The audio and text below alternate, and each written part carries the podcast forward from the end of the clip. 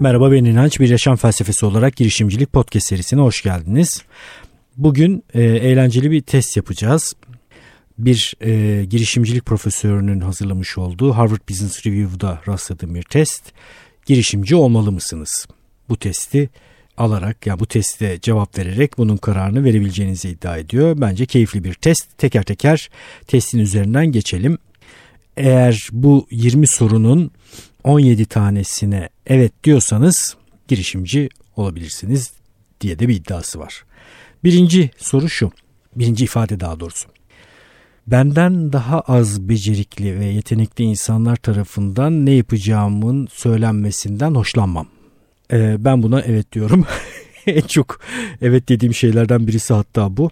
Evet ben de hoşlanmam en hoşlanmadığım şeylerden birisi diyebiliriz hatta yani benden daha yeteneksiz ve beceriksiz olduğunu düşündüğüm birilerinin bana e, bir şeyler söylemesi. Eğer siz de böyle hissediyorsanız sürekli kendinizi birilerini iyi bir şeye ikna etme durumunda biliyor, buluyorsanız ve daha sonra gerçekten de bu iddia ettiğiniz şeylerin iyi olduğunu da görüyorsanız e, bir tür verimsizlik oluşuyorsa bundan siz de evet diyorsunuz demektir.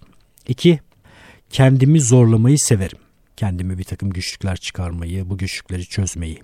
3. Başarmayı, kazanmayı severim. Mücadelenin sonucunda bir kazanç varsa bu beni motive eder diyorsanız yine evet diyorsunuz demektir bu ifadeye. Kendi patronum olmayı severim. Bunun tabi birinci maddeyle de ilişkisi var. Bu dördüncü maddenin ee, başkalarını bir şeye ikna etmek istemeyen ya da kendisinden daha az becerikli insanların kendisine bir şeyler e, söylemesini istemeyen insanlar zaten kendi patronları olmayı seven insanlar oluyor. Bu 1 ile 4 biraz birbirinin yerini tutabilen ifadeler bence. 5. Bir şeyleri daha iyi yapmanın ya da farklı yapmanın yollarını ararım sürekli. Nedir bu ifadenin kökeninde yatan şey felsefi olarak? Potansiyelci olmak. Ancak aktüelde sıkışıp kalmayan, boğulmayan, meselelerin potansiyeline bakmaya çalışan birisi zaten bu ifadeye evet der. Çünkü o bilir ki şeylerin, meselelerin, insanların aktüel halinin dışında uğraşılırsa ortaya çıkarılabilecek daha iyi bir tarafı her zaman vardır. 6. Ortalamanın kabul ettiği bilgelik türlerini konvansiyel olanı sorgulama yönünde bir eğilimim vardır. Bunu sorgulamayı severim diyorsanız yine evet demeniz lazım bu ifadeye. 7.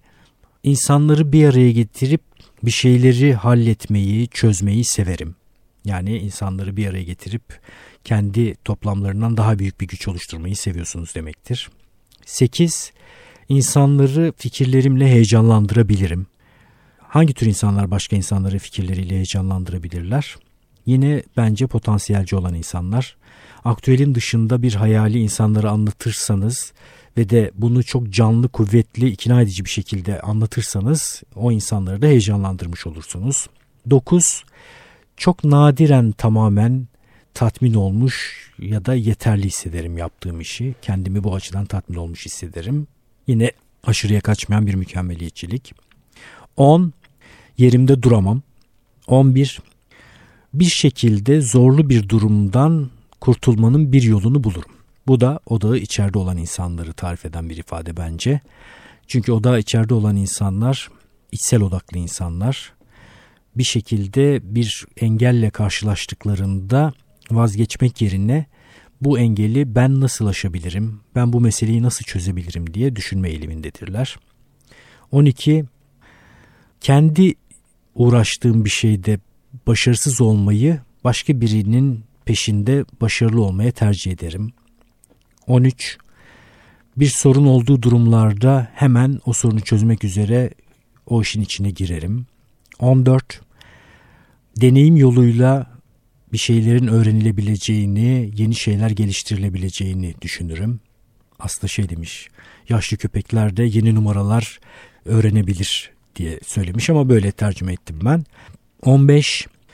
Ailemin üyeleri ya da bazı üyeleri kendi işlerini yürütüyorlar. Kendi girişimleri var. Bu benim için geçerli değil bu arada. Ailemde kendi girişimini yürüten birileri yok. 16 kendi işini yürüten arkadaşlarım var. Bu benim için geçerli. Kendi işini yürüten arkadaşlarım var. 17 büyürken büyüme sırasında okuldan sonra ve tatillerde çalıştım benim çalıştığım dönemler olmuştur. Bu da benim için geçerli. 18 bir şeyleri sattığımda adrenalin hissederim. E, evet yani satış zaten bir girişimin başarıya ulaştığını gösteren en önemli göstergelerden bir tanesi olduğu için gerçekten bunu hissediyorsunuz. 19 bir takım sonuçlar ortaya çıkarmak, bir şeyleri başarmak beni çok heyecanlandırır. Ve 20 Eisenberg testinden daha iyi bir test yazabilirdim. 20. ifadeye de böyle bir açıklık bırakmış. Bu test Eisenberg testi, yazarın kendi testi. Bundan daha iyi bir test yazdığını da iddia ediyorsanız yine evet diyebilirsiniz. 17 tanesini en az ya da daha fazlasını evet dediyseniz siz işte bir girişimci adaysınız diyor Eisenberg. Eğlenceli geldi bana bu test. Daha sonra da Eisenberg'ün başka şeylerine baktım Harvard Business Review'da. Ee, bir tane daha yine e, güzel bir testine rastladım. Onu da paylaşmak istiyorum. Girişimciler için 2 dakikalık fırsat checklisti hazırlamış. Çok güzel bir girişimcilik dersi profesör üniversitede ders veriyor bu alanda. Bir fikrinizi bu checklist üzerinden test edebilirsiniz demiş bu 2 dakikalık testi kullanarak. Soruları hemen bakalım. 18 tane soru var ve 16'dan fazla sına evet derseniz fikriniz geçmiştir diyor bu testi. 1. Fikriniz birinin e, konforsuzluğunu, bir tür acısını ya da tatminsizliğini gideriyor mu? Yani bir sorunu çözüyor mu? Birisinin bir sorununu çözüyor mu? Birinci soru bu. İki, bu soruna sahip çok sayıda insan var mı? Üç, bu insanlar, şirketler ya da kurumlar bu sorunun çözülmesi için paraya sahipler mi? Bir satış görüşmesinde de bakmanız gereken şeylerden birisi budur bu arada. Özellikle kurumsal satış yapıyorsanız, B2B satış yapıyorsanız, işten işe satış yapıyorsanız e, sizinle masaya oturan kişinin e, sunduğunuz çözüm ya da hizmet ya da ürüne parası olup olmadığını, bütçesi olup olmadığını ya da karar verici olup olmadığını da sorgulamanız gerekir. 4. Hızlıca ürününüzü ya da hizmetinizi alma konusunda karar verebilecekler mi? Bu da önemli çünkü boğulup gidersiniz. Yani düşünsenize 3 senelik bir satış döngüsü olsa işinizde. Bazı iş türlerinde bazı kompleks satış ürünlerinde böyle 1 senelik, 2 senelik, 3 senelik döngülerden bahsedebiliriz. Ama o 3 senenin sonunda 1 milyon dolarlık bir fatura kesmeniz gerekir. 5. Kendinizle ilgili bir yönü çok iyi bir şekilde kullanabiliyor musunuz bu fikri hayata geçirdiğinizde? Yani aslında buna şey demiştik unfair advantage demiştik. Adil olmayan avantaj sağlıyor mu size? Mesela her gün öğren fikri benim açımdan adil olmayan bir avantaj sağlıyor. Çünkü görsel sanatlar, oyunculuk, sinema üzerine ciddi bir e, deneyimim var. Her gün öğrende de bu görsel sanatlardaki gustoyu kullanabildiğim için başka video öğrenme işleri yapanlara göre bu benim açımdan kullanılabilir bir adil olmayan avantaj. Yani bir tane çok önemli özelliğimi o fikri hayata geçirirken çok ciddi bir şekilde kullanmış oluyorum. 6. Kimsede olmayan önemli bir takım gereçleriniz var mı? Para olabilir diyor, müşterilere e, ulaşım diyor, teknoloji, liderlik becerileri, e, yürütme becerisi, mekan, satış becerisi. Yani diğer aynı alanda çalışan, iş üreten, fikir gerçekleştirmeye çalışan insanlara göre bu sayılan alanlardan bir ya da birkaçında bir gücünüz varsa çok ciddi anlamda öndesiniz demektir. 7. Size katılacak en az iki insan düşünebiliyor musunuz bu fikri anlattığınızda? 8. Onların becerileri sizinkilerle örtüşüyor mu değil de sizinkilere ekleniyor mu? Yani aynı becerilere sahip olmanın bir anlamı yok. Farklı farklı güçlü yönlere sahip misiniz? O insanlarla birlikte bu yola çıkacaksanız tabii ki. 9. Sizinle aynı değerleri taşıyorlar mı? Bu gerçekten çok önemli. Benim böyle altını çizebileceğim ifadelerden birisi oldu bu. Eğer birlikte yola çıktığınız ortaklarınız sizinle meseleye aynı değerler ve prensiplerle bakmıyorlarsa ileride bir şekilde sıkıntı yaşayacaksınız demektir.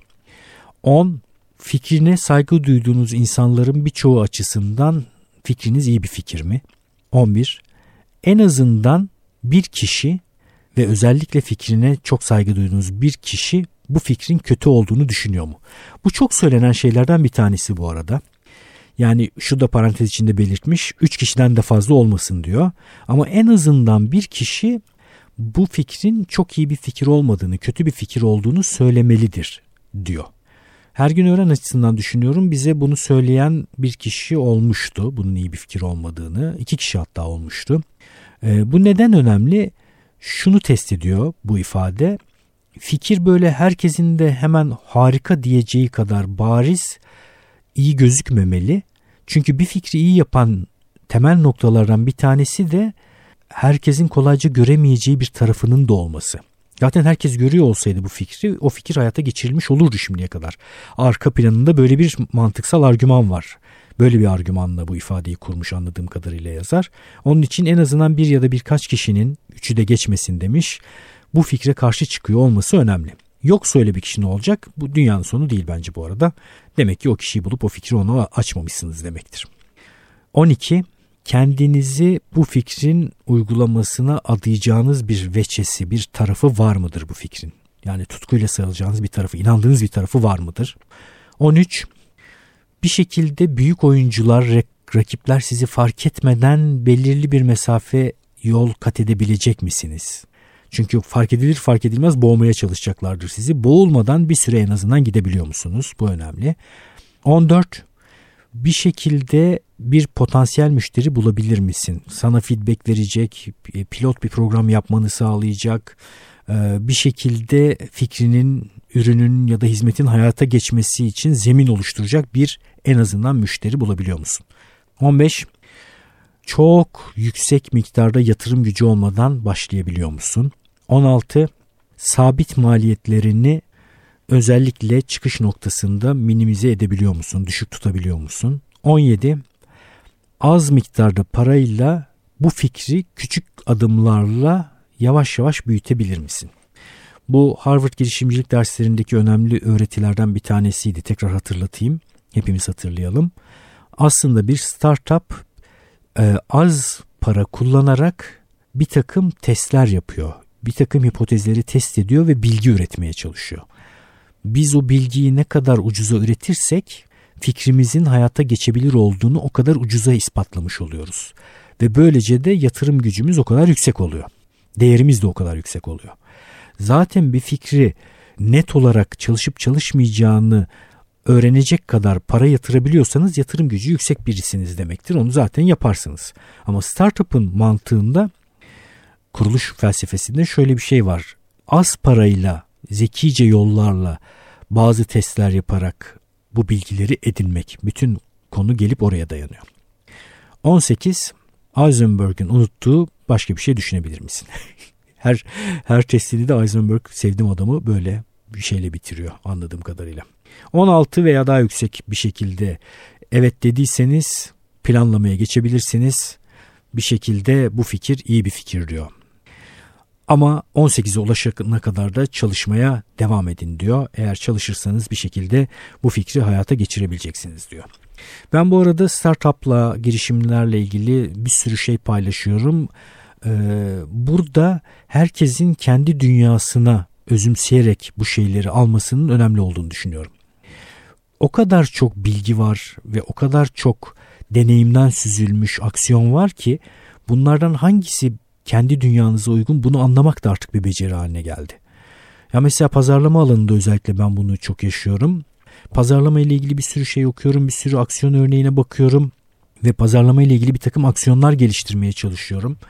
Mesela ne bileyim bir ürünle ilgili bir pazarlama mecrasının çok kullanılmadığını görüyorum ve onun üzerine de yazılmış bazı yazılar okuyorum. Çok olumlu şeyler yazmayan yazılar okuyorum. Bir şekilde o mecrayı kullanmama yönünde bir eğilim geliştiriyorum ama sonra birden tesadüfi bir eylemle o mecranın diğer tüm mecralardan daha yüksek getirisi olduğunu görebiliyorum. Yakın dönemde böyle bir şey yaşadım.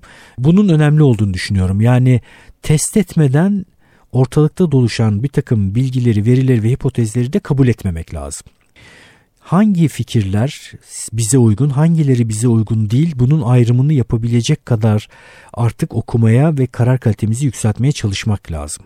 Özellikle startup alanında startuplar için yazılmış şeylere aman dikkat. Kurumsallaşmış ve yerleşik şirketlerin yönetimi ve onların yönetim becerileriyle ilgili yazılan şeylere de dikkat.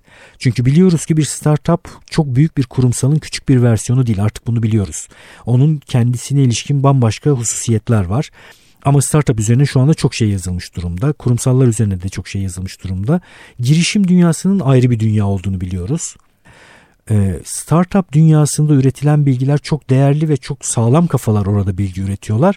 Bazı durumlarda siz mesela aslında startup olmayan bir iş yaptığınız halde e, startupla ilgili bilgi kümesine ulaşıp kendi kafanızı da karıştırabiliyorsunuz. Benim geçmişte böyle yaşadığım bir takım anlar olmuştur.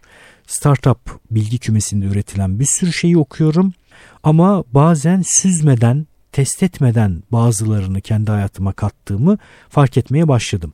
Benim kendi öğrenme yolculuğumda şimdi startuplar, girişimler, freelance bir takım kalkışmalar bunlar hep ayrışmaya başladı.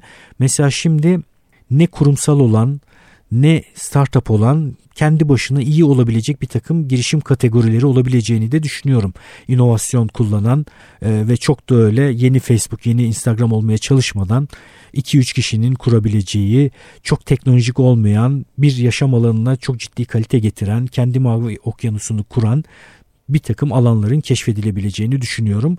Biraz bu açıdan berraklaşmaya, yani kendi düşüncemizi rafine hale getirmeye ihtiyaç olduğunu düşünüyorum. Benim için yine çok keyifli bir kayıt oldu. Umarım bu iki test sizi de çok eğlendirmiştir. Ee, Eisenberg'e teşekkür ediyoruz bu testleri bize sunmuş olduğu için. Harvard Business Review'dan ulaştığım testlerdi bu testler.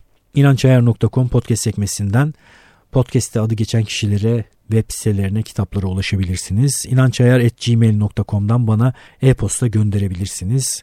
İnançayar Twitter ve Instagram hesaplarını takip edebilirsiniz.